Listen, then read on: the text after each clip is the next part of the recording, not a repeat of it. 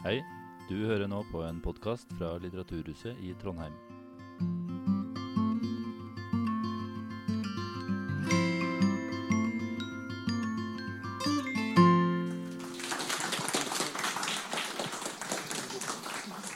Tusen takk. Hyggelig å se mange folk i et rom. Det har ikke skjedd meg siden sist jeg var i Trondheim for en stund siden. Sånn er det å bo i Oslo. Um, som det ble nevnt, så er jo jeg eh, prest eh, av utdanning og akkurat nå av eh, yrke. Og um, Per Bjørn minte meg på tidligere i dag at dette er jo ikke en kirke. Dette er ikke en kristelig sammenheng. Um, og jeg er jo vant til å snakke i kristelige sammenhenger. Gjør ofte det. Eh, og jeg har vanskelig for å ta et sånt utenfra-perspektiv når det gjelder kristen tro. fordi det er jo der jeg står. Eh, så jeg må bare beklage. Jeg kommer til å snakke innenfra også nå. Eh, men jeg håper at jeg kan snakke på en måte som gjør at det går an å nyttiggjøre seg det jeg sier, uavhengig av hva man måtte tro på. Eh, da jeg gikk på videregående, så var jeg ukult nok en av de kristne i klassen. Og det kom jo for en dag på et tidspunkt. Og da var det en smart og kul ny venninne som het Hanne, som sa ja, på konfirmantleir så prøvde jeg også å være kristen, men det funka ikke. Eh, jeg skjønte ikke hva hun mente. Hva, hva var det som ikke funka? Jo, det viste seg at mens hun var på konfirmantleir, så hadde hun blitt så fascinert og begeistra at hun tenkte nå skal jeg be til Gud, så skal jeg se eh, hva som skjer. Jeg skal, jeg skal, prøve å være kristen. Um, men det hadde ikke skjedd noe. Hun ba, og så skjedde det ingenting. Eh, det ble ikke noe stort indre fyrverkeri i henne. Ikke noen følelse av gudsnærvær. Um, ingen endring. Hun følte ikke noe. Så da var konklusjonen hennes at hun ikke var kristen. Eller uh, at hun ikke ville være kristen. For på en eller annen måte så uh, følte hun at det hun hadde opplevd, det var at kristendommen ikke funka. Kristendommen skal nemlig funke.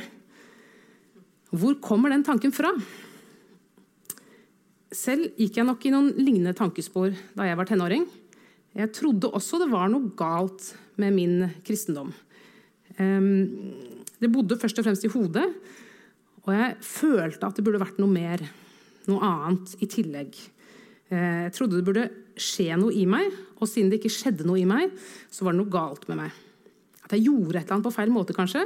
At jeg ikke ba nok eller leste nok i Bibelen. Et eller annet gærent der. Kanskje jeg hadde feil innstilling til det hele. Og det gjorde jo en tenåring fortvila. Jeg følte at kristendommen ikke skapte det i meg som den skulle. Men hvor kom den tanken fra? Gjennom livet, eh, i et liv i mye, med mye kristendom av forskjellig art, så har jeg hørt eh, mange fortellinger om folk som har bedt til Gud, og så har de fått det de ønsket seg. Og folk liker veldig godt å fortelle sånne fortellinger, eh, fordi det blir vitnesbyrd om eh, noe sterkt og fint. Eh, og hipp hurra for bønnesvar. Ikke noe galt sagt om det. Men min egen erfaring har ikke vært slik. Og Vi vet jo det at verden er full av lidelse, selv om vi hver eneste søndag i hver eneste kirke i Norge og sikkert resten av verden ber om fred i verden. Det fins mange lidende mennesker som ber, som ikke får bønnesvar. Kristendommen funker ikke. Og Mange mennesker leter så desperat etter bønnesvar at de til og med begynner å lyve for seg selv og for omverdenen. En av de første som fikk hiv i Norge før det fantes behandling, han var en dypt troende kristen. Og mens han lå på sykehuset i sine siste dager, så kom vennene hans for å be for ham, for å be om helbredelse. Um, etter bønnen så var han like syk. Um, men du er helbredet, sa vennene. Det har bare ikke manifestert seg ennå. Og så gikk de, og så døde han. Vi vil så gjerne at det skal gå slik vi forventer. Vi vil så gjerne at bønnene skal funke. Hvor kommer den tanken fra? Jo, alle disse tankene kommer jo fra kristendommen selv. Den store kristne grunnfortellinga sier at selv om ting er dårlig, så kommer det til å gå bra. Livet seirer over døden, osv. Det skal jeg komme tilbake til. Men faktum er at denne letinga etter at ting skal ordne seg, at ting skal funke, den fins overalt. Den tilhører ikke bare kristendommen. Vi leter alle etter det som vi begjærer. Vi strekker oss mot det. Uansett hva vi har, så er det som om det er noe som ligger akkurat utenfor vår rekkevidde, som skal sikre oss lykken. Der ligger det og glimrer og frister. Og selv om vi stadig erobrer nytt land, så avslutter vi ikke jakten på noe mer, noe bedre og noe større. Vi leter etter materielle ting, selvsagt. Fint hus, fine klær, bil, hytte. Og noen pumper jern for å få muskler. Slanker seg til de nesten ikke fins mer. Eller sminker et helt nytt fjes oppå det de allerede har. Noen prøver å lese enda flere bøker enn i fjor. Løpe enda flere turer og lengre turer. Bake mer, pusse opp finere. Ha flere vennemiddager. Eller ta bilder på enda flere spektakulære fjelltopper med veldig spreke barn. Og noen av oss vil ha alt sammen. Det er ingen grenser for hvor perfekte og fullkomne vi og livet vårt skal bli. Og så leter vi på mer skjulte og sympatiske måter også. Vi leter jo etter indre ro, etter fellesskap med andre mennesker, etter visshet, klare svar, et trygt selvbilde og en tydelig livsvei som vi kan gå med stødige skritt. Det er mye positivt med denne drivkraften. Alt det som mennesker vil mestre.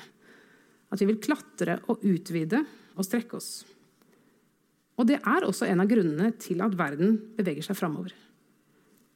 Viljen til forbedring forbedrer faktisk ganske mange ting. Vår enorme trang til å løse problemene våre er en ressurs. Materiell trygghet er et gode. Et godt selvbilde er et gode. Men dette drivet og begjæret det skaper også uro. Misnøye. Og på en eller annen måte så, så skaper det også en klokkertro på at det fins en nøkkel. Bare vi leter lenger nok. Vi kan låse opp livet. Derfor så lokkes vi av enhver quick fix som blir solgt oss. Alle reklamer som lover oss at vi skal oppnå noe vi en gang ikke visste at vi ønsker oss. Kampanjene snakker til noe dypt, dypt inni oss behovet for å nå enda et trinn på stigen. Og gjerne at det skal skje med så liten innsats som mulig. Denne uroen blir ikke stillet, og det begjæret lar seg ikke mette. Det vil ha mer, stadig mer. Men det fins jo ingen quick fixer heller ikke i kristendommen. Det fins ingen Jesusbryter vi kan skru på. Det fins grenser for hva vi kan oppnå. I en av eh, kantatene til Johan Sebastian Bach så synger bassen ut 'Ich habe genug'. Jeg har nok. Jeg tror nesten ikke det går an å si noe mer motkulturelt i vår tid enn at 'jeg har nok'. Tenk å komme dit, at begjæret er stillet. At man ikke lengter eller higer etter mer og bedre. Jeg syns nesten det er truende, for det er så tvers igjennom uambisiøst. Det er den uavhengige og suverene som snakker. Jeg har nok, jeg trenger ingenting. Under alt det vi begjærer, så er det kanskje den roen vi lengter mest etter. Uten at vi ønsker oss resignasjonen som kanskje også ligger der. Men vi ønsker kanskje å kjenne på grensene for hva vi kan oppnå, og leve med dem på en god måte. Å kunne si 'jeg har nok', 'jeg er tilfreds'. Når noe har eh, gått galt i livet, så sier vi gjerne eh, du må komme deg opp på hesten igjen. Når noen har blitt skilt eller mista jobben eller blitt skada, eller bare rett og slett ikke henger med i livets mange svinger. Du må tilbake der du var, og komme deg videre. Og det er mye bra med det. Det er viktig å komme seg videre og ikke bli stående fast i det som gikk skeis. Men jeg tror vi kan være for kjappe også. Hvorfor undersøker vi ikke nærmere det som gikk galt? Hvorfor vi datt av den hesten? Hvorfor interesserer det problematiske oss i så liten grad? Og hvorfor er vi ikke villige til å se litt nøyere på den skrenten som tross alt løper langs med den stien vi rir på hele tida? Jeg tenker noen ganger om religion eller livssyn eller kristendom, uansett hva det måtte være for forestillinger som vi har om livet, at de er som presenninger. Vi har laget et sånt nett, et system, et dekke, en presenning, som vi legger oppå verden. Og når alt er dekket, da vet vi at vi har forstått alt. Da har vi det under kontroll. I've got it covered, som det heter på engelsk. Men så er det alltid likevel et eller annet som stikker ut, eller begynner å stikke ut. En planke som er for lang for den presenningen. Eller en uhamslig ting som er for høy, sånn at presenningen trekkes oppover. Og det er mange ting som ikke passer under kristendommens presenning. Eller enhver annen presenning, for den del. For når vi snakker om livet, så snakker vi jo ofte om vår idealverden. Vi presenterer ofte glansbilder av virkeligheten. Men verken idealbildene eller glansbildene kan romme alle de plankene som finnes i haugen. Selv om vi vet at det mørke er der, innerst inne alle sammen, så har vi en tendens til å behandle slikt som avvik fra det egentlige. Som fartsdumper. Vi skynder oss videre uten å se nærmere etter. Det er en dansk forfatter og prest som heter Sørine Gottfredsen. Og For sånn fem år siden så ble det oversatt en bok som hun har skrevet til norsk, som heter 'Å leve med kirkegård'. Det handler om eh, henne og om kirkegård. I den boka så beskriver hun en bestemt dag i livet sitt. Hun våkner om morgenen og merker en intens motvilje. En uvilje, et ubehag mot alt, selv om hun egentlig er godt fornøyd med rammene. Hva gjør hun med det? Jo, hun biter tenna sammen og står opp. Og så går hun ut i dagen og gjør det som er forventet av henne den dagen. Hun overdøver smerten. Men i boka sier hun Hvorfor stoppet jeg ikke opp? Hvorfor lyttet jeg ikke til den følelsen jeg hadde? Hvorfor var jeg ikke mer nysgjerrig på hva som hadde skjedd inni meg? Hvorfor skyndte jeg meg videre? Og Så vender hun seg mot Kirkegård, som sier at det er jo ikke noe rart at vi har det dårlig. Selvsagt har mennesket det dårlig. Vi skal jo dø. Livet er fantastisk, men det er også svært begrenset og lidelsesfullt. Hvorfor retter vi så mye oppmerksomhet mot det første og så mye håp mot det første, mens vi skyr tanken på det andre. Det er bra å ha det bra, men det er vanskelig å ha det virkelig bra om man ikke også har erkjent det mørke. For det mørke, det vonde, kan ikke elimineres og overdøves. Det fins. Det vil oss noe. Det er vesentlig. Og hvordan skal vi snakke om dette vonde i et teologisk språk? Jo, da må jeg ty til et ord som har et veldig dårlig rykte. Jeg vil snakke om det som i kristendommen heter synd. Og Det er fort gjort å steile når man hører det ordet i vår kontekst. Tenke at det handler om noe som skjer under dyna, eller om at noen er ute etter å skape skyld for mine høyst menneskelige feiltrinn.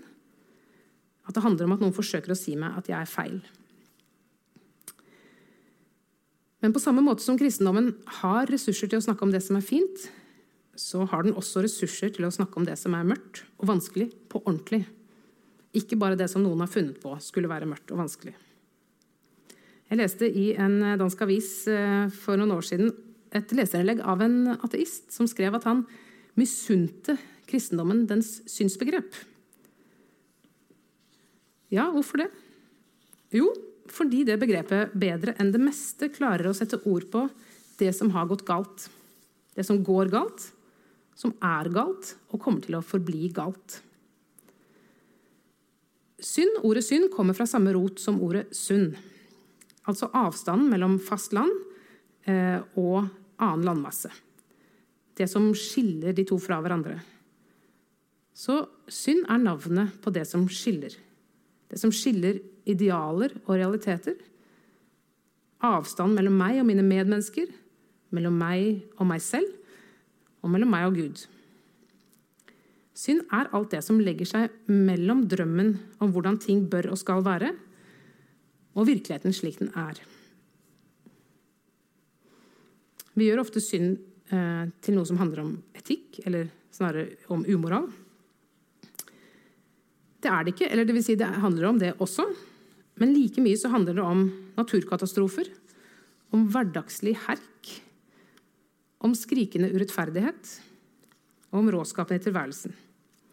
Om ting som ikke er noens feil, eller som er alles feil. Som bare ble sånn. Hvis vi sier at synd er det vi gjør feil, eh, etisk og moralsk, så har vi redusert begrepet ganske kraftig. Den svenske teologen Gustav Wingren han utvider i stedet og sier at synd det er døden og destruksjonskreftene. Alt det som ødelegger og dreper. Alle krefter som trekker i feil retning i verden. Det vi har skyld i, det vi er utsatt for, det vi ikke kan unngå å være en del av fordi vi lever i den type samfunn som vi gjør. Alt som vi stilltiende godtar fordi det ligger utenfor vår rekkevidde. Eller vi tror at det gjør det. All smerte, urettferdighet og lidelse. Stort og smått. For det fins jo, og det trenger et språk. Det trenger at vi ser det og setter ord på det. Jeg syns at synd er et sånt ord, et analytisk grep, som hjelper meg nettopp med det. Det handler om skyld og ansvar, men også om maktesløshet og fortvilelse. Det er ganske fascinerende å lese det som vi ofte kaller for syndefallsberetningen i Bibelen. Den kom jo tidlig. Adam og Eva ble skapt inn i en verden der alt var som det skulle være. Det var såre godt. Men så skjedde det noe. Og de ble kasta ut av Edens hage til et liv utenfor. Et hardt liv der de måtte slite for maten.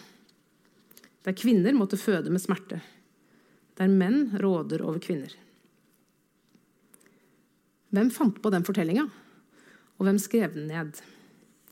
Jeg syns det er interessant å tenke på at det ikke var en reporter til stede i den hagen. Den som har skrevet ned den fortellinga, er jo på samme side av Edens hage som vi lever i dag. Den er skrevet fra samme perspektiv som vi har. For den eller de som laget den fortellinga, de var jo ikke til stede. Nei, også fortelleren lever sitt liv i denne harde verden. Og lurte på kan det virkelig være dette livet Gud hadde sett for seg ved skapelsens dag. Var det slik vi skulle leve? Kan Gud virkelig ha skapt all denne lidelsen? Og Ut fra det perspektivet, det spørsmålet, så ble fortellinga om slangen og eplet formet. Det er det vi kaller en etiologisk myte, altså en myte som skal si noe om opprinnelsen til noe. Opprinnelsen til at tilværelsen og verden og skapelsen eksisterer i det hele tatt, men også opprinnelsen til lidelsen. Jeg anbefaler egentlig alle å lese nøye eh, Mosebok, begynnelsen av første Mosebok eh, med et så åpent blikk som man får til. For det er altså rikelig med gjenkjennelse fra vårt eget liv i den. Det handler jo om å skjelne mellom godt og ondt. Det handler om den vanskelige seksualiteten. Det handler om kvinners underordning i verden. Om å svette. Om å bli frista. Om å skylde på hverandre. Og om noe så banalt og vanskelig som smerte. Alt dette som er vanskelig også for oss i dag. Etter at Gud kastet mennesket ut av hagen, så stenges veien tilbake. Gud stenger porten og setter engler til å vokte den. Mennesket kan ikke snu og trenge tilbake. Det er kommet en geografisk avstand mellom Gud og mennesket, og mennesket er falt ut av relasjon med Gud. Det er en avstand mellom den, det nye livet og den ideelle tilværelsen. Porten er stengt. Denne avstanden, denne avgrunnen mellom Gud og menneske, mellom ideal og realitet, den finner vi igjen i alle slags avgrunner i tilværelsen. I alle rifter og sprekker. Alle steder der ting faller fra hverandre og ikke lar seg bringe sammen igjen, og ikke lar seg reparere. Tilværelsen er ikke hel. Det løper en avgrunnsdyp kløft gjennom den, og vi kommer ikke helt over ved egen kraft. uansett hvor mye vi strever. For meg er det rikelig av gjenklang til all vår higen i dag. Til vårt behov for å nå en fullkommenhet, til å bestige alle topper, men likevel ikke få det til. Om det som alltid vil ligge utenfor vår rekkevidde.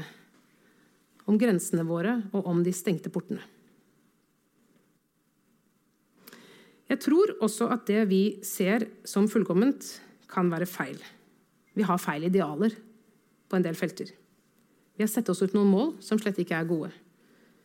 Som slett ikke er mål sånn egentlig.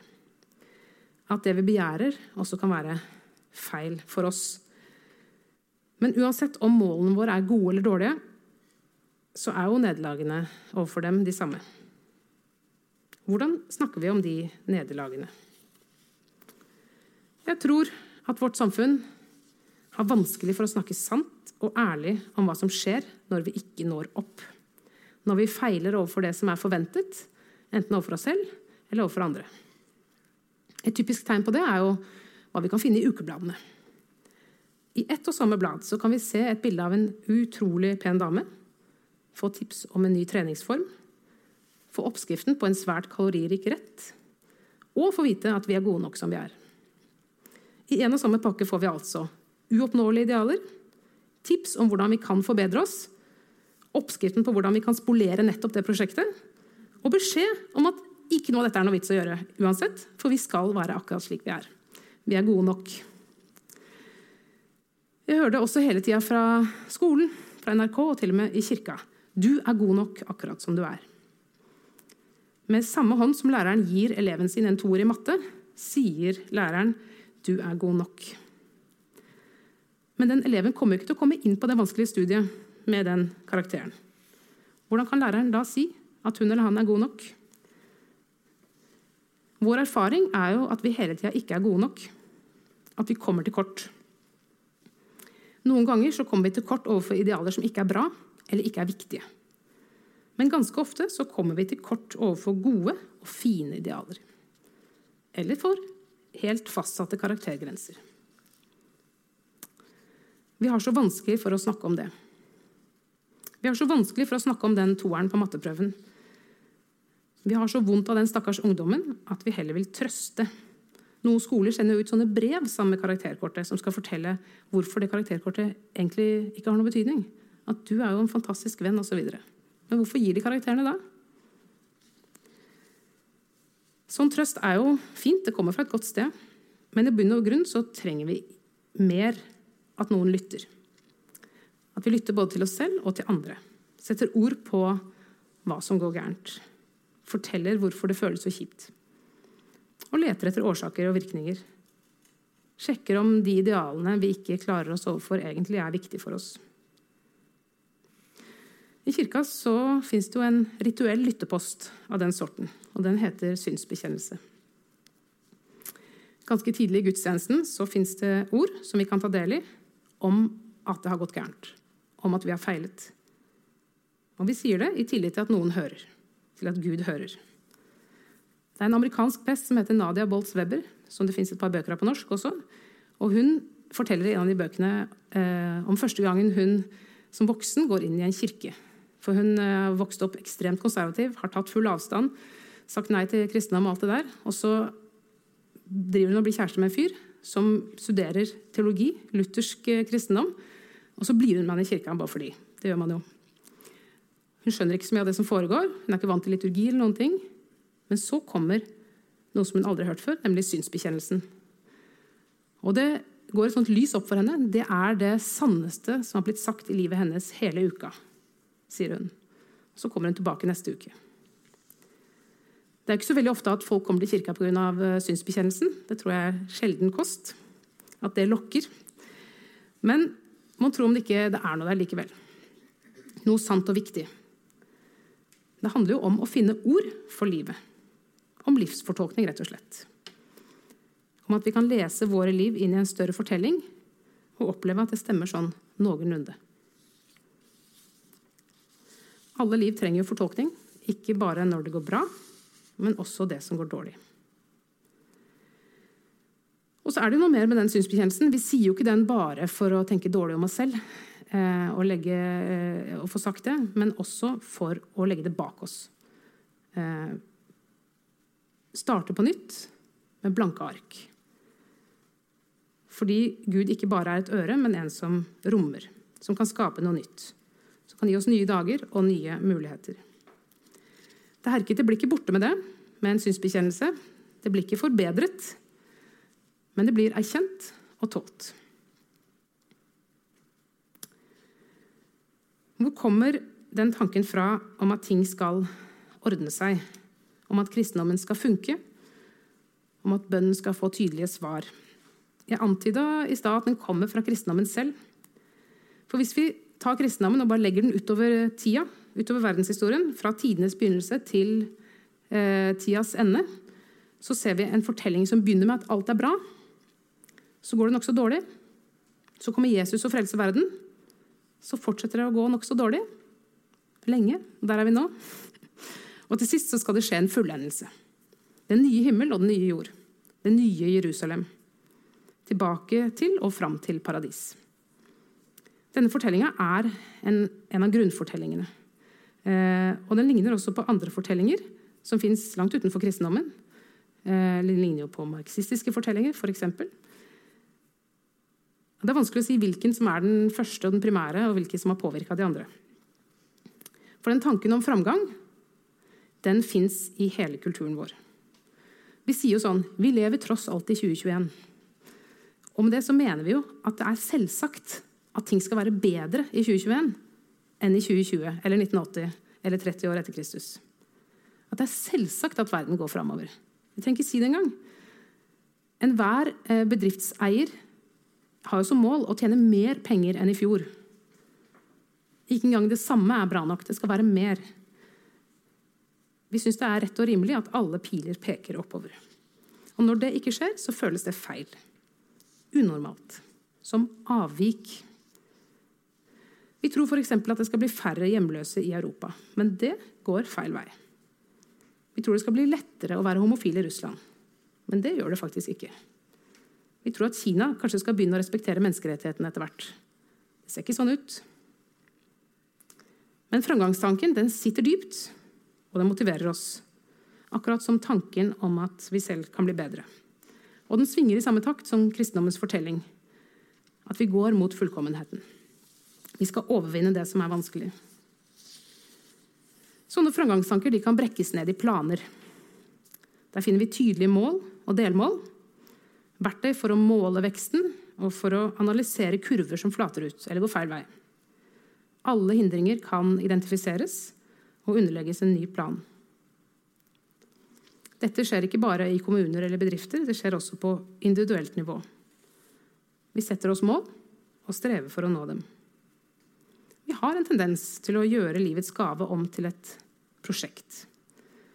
Og med det så vinner vi sikkert mange premier, men jeg tror også vi mister en hel del. Vi er flinke til det med målstyring. Bedriftslederne er flinke, og arbeidstakerne er flinke. Vi har skjønt at det gjelder å prioritere. Og å investere der det kaster mest av seg. En slik tanke er helt logisk i ganske mange sammenhenger. I andre er den ødeleggende. Hva skjer når vi tar den med oss inn i kristenlivet? Som det ble nevnt, så har jeg skrevet en bok som heter 'Leve vanskeligere', og med undertittelen 'En elendighetsteologi'. Og det er eh, som det ble sagt, et ord som jeg har laget som en motsetning til ordet herlighetsteologi. Eh, og Herlighetsteologi er jo en form for kristendom som dukka opp i USA på 50-tallet, og som deretter spredte seg til andre deler av verden. Nå står det nok sterkest i Sør-Amerika og i noen land i Afrika. Vi finner også lignende kristendom i Norge, særlig i pinsekarismatiske sammenhenger. Kort fortalt går det heller ut på at hvis du investerer i kristentroen, så kan du hente ut gevinst. Og det forstås helt konkret.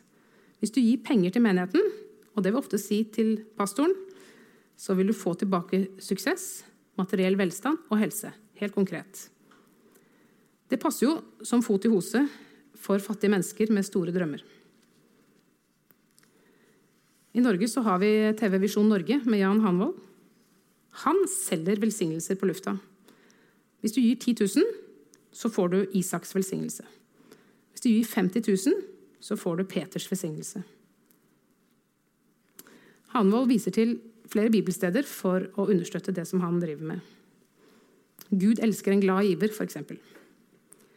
Men han har selv tatt på seg ansvaret for å samle inn disse midlene, som Gud elsker at vi gir, og for å dele ut velsignelsene på betingelse. Allerede i 2016 hadde han samlet inn over 1 milliard norske kroner. På ulikt vis. Jeg vet ikke om Gud har så veldig mye med saken å gjøre. Men Jan Hanvolds bankkonto har definitivt ganske mye med det å gjøre. Det er åpenbart at sånn teologi som det, det utnytter mennesker. Det nærmer seg svindel. Jeg vil ikke kalle det for kristendom, men for business. For de fleste av oss er det ikke noe vanskelig å ta avstand eh, fra den type kristendom. Vi anser det som både umoralsk og dumt, og vi skjønner kanskje ikke helt hvorfor folk går på. Samtidig så kan vi snu speilet mot oss selv. For noen og enhver av oss kan la oss lure og lokke til enkle løsninger. Også i det vi anser som mer normal kristendom, så fins det samme fenomenet.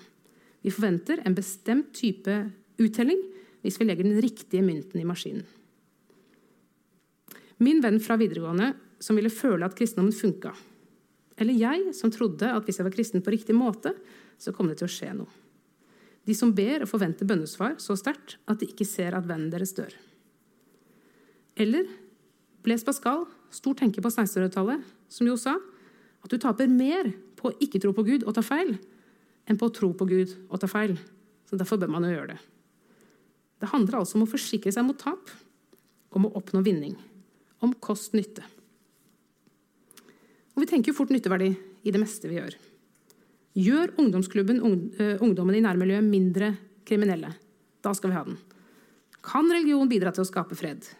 Skal jeg gidde å gå i kirka hvis preken ikke er noe bra? Det er naturlig at vi stiller de spørsmålene. Kanskje skulle vi gjort det oftere. Men hvor langt kan vi trekke den logikken? For det finnes en veldig sterk kristen antakelse om at hvis du ber, hvis du går i kirka, hvis du leser i Bibelen, så vil det gi deg en eller annen konkret uttelling. Du vil bli belønnet. Om ikke nødvendigvis med velstand og suksess, så med indre ro, f.eks. Med en avklarethet. Hvis du bare konverterer til katolisismen, så vil brikkene falle på plass. Hvis du leser nok i Bibelen, så vil du finne svarene. Hvis du ber, vil du få kontakt med Gud. Og jeg lar meg lokke stadig vekk, jeg. Eh, jeg fikk en melding her på Facebook fra en som eh, jeg ikke kjente, men som så ut til å være mormonermisjonær. Og hun skrev til meg eh, Hei, du kan starte et nye liv med Jesus i dag. Vil du høre hva jeg har å fortelle? Og så tenkte jeg ja! Og så tenkte jeg, Nei, jeg, jeg har vært døpt i 40 år. Jeg er jo prest. Jeg har en lang teologisk utdannelse. Jeg vet jo godt at dette bare er noe som vil lokke meg. Og jeg, eh, Av og til så hiver jeg meg på sånne kristne praksiser. Jeg tenker at nå skal jeg sannelig be eller lese i Bibelen. Og det er jo fint, det. Men jeg har aldri merket at jeg er kommet noe nærmere Gud av den grunn. Jeg har forsont meg med det. Og funnet ut at det jeg oppnår med å be, det er å be. Og det jeg oppnår med å lese mer i Bibelen, det er mer bibelkunnskap. Så enkelt er det.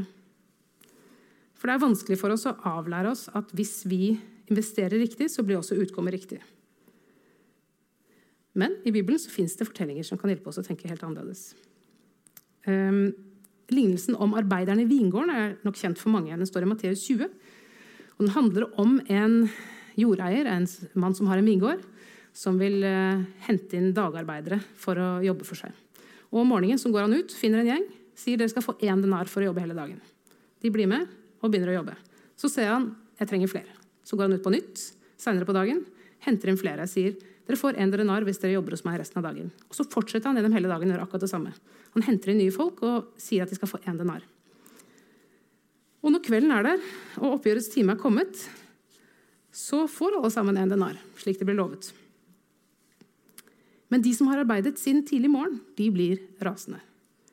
De som kom sist, har arbeidet bare én time, og du stiller dem likt med oss, vi som har båret dagens byrde og hete.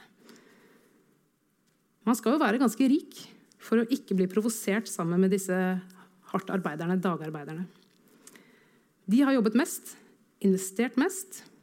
Skulle ikke de også få mest penger? Men alle får likt av jordeieren. En denar. Slik skal de siste bli de første, de første de siste, sier han. Og Jesus sier i begynnelsen av lignelsen dette er en lignelse om hvordan Guds rike er. Nåden er jo urettferdig. At alle får, betyr at de som har fortjent det minst, får like mye som de som har fortjent det mest. Nåden behandler ikke folk slik de fortjener. Eventuelt nåden behandler alle slik de fortjener. Og det er anstøtelig for de fleste av oss. Men kristendommen er ikke et pensjonssparingsprogram der du ved å sette inn et månedlig beløp kan hente ut en sum når du blir 70. Det er ikke en disiplin der det gjelder å opprettholde rutinen for siden å kassere inn gevinsten. Bønn er ikke å oppnå ønsket resultat ved standhaftighet. Kristendommens løfter er grunnleggende urettferdige og forholder seg ikke til ytelsene dine. Nåden går altså på tvers av investeringslogikken. Nåden roter i våre systemer og kategorier. Det går ikke an å gjøre seg fortjent til Guds gunst. Det går ikke an å investere i kristenlivet. Det går ikke an å stige over kløften til paradis ved egen hjelp. Slik er våre menneskelige grenser. Å erkjenne dem er både enormt frigjørende og veldig provoserende samtidig. Jeg tror altså ikke at kristendommen kan hjelpe oss til å forbedre oss. Jeg tror ikke den kan tilby noen plan for å hjelpe oss framover mot våre bilder av hva fullkommenhet er. Det ligger ingen quick fix i dette, selv om vi ofte ønsker oss det. Og selv om vi trekkes mot det når vi tror at vi skimter det. Kort sagt er det vanskelig å være menneske, og det er ikke nødvendigvis noe lettere å være kristent menneske. Ofte loves det mye på Guds vegne, både implisitt og eksplisitt. Og ganske ofte ender derfor kristendommen opp med å skuffe folk. Skuffe over kristendommen, eller kanskje til og med over Gud. For kristendommen er begrenset. Jeg tror like fullt, det må også sies, at det finnes noe mer enn det vi erfarer nå. Det fins glimt av at en annen rettferdighet og en annen verden er mulig. Det finnes forestillinger om en ny himmel og en ny jord. Og Av en eller annen grunn så tror jeg på oppstandelsen. Jeg har ingen argumenter, men et stort håp. Men alt dette ligger utenfor vår horisont og utenfor tidas grense. Hva nå? Kan kristendommen hjelpe oss med noe her og nå? Nøkkelordet for meg og som jeg skriver en del om i den boka, er forsoning. Snarere enn å hjelpe oss med forbedringa, så kan kristendommen hjelpe oss på å sette ord på det som ikke er så bra. Kristendommen har et enormt fortellingsunivers. Så uansett hva man tror på, kan man som menneske speile seg i de fortellingene på en så rik måte at vi alltid vil kunne se noe av oss selv i dem. Noen ganger så er det en direkte motsetning mellom forbedring og forsoning. Jeg hørte eh, Sissel Gran snakke på Sommer i P1, P2, Sommer i P2 om eh, bl.a. sin mors død. Hvor hun forteller at de siste ukene av livet hennes så bodde hun på gamlehjem. Eh, og de skjønte at det gikk mot slutten. Um, men sykepleierne de oppfordra henne til å komme seg opp, bevege seg, spise litt, drikke litt, gå tur. Og moren hun eh, gjorde akkurat det hun ble fortalt, sleit seg gjennom de tingene. Men Sissel Gran sier hvorfor Hvorfor tvang de henne til det? Hvorfor ville de at hun skulle forbedre seg? Hun skulle jo dø. Kunne hun ikke bare fått dø i fred? Forsone seg med at det var den veien det gikk?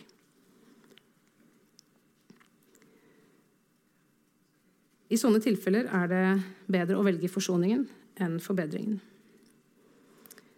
Det er mye troen ikke kan gjøre for oss. Men det den kan gjøre, er å lære oss noe om vår menneskelige begrensning. Troen har grenser, og det har mennesket også.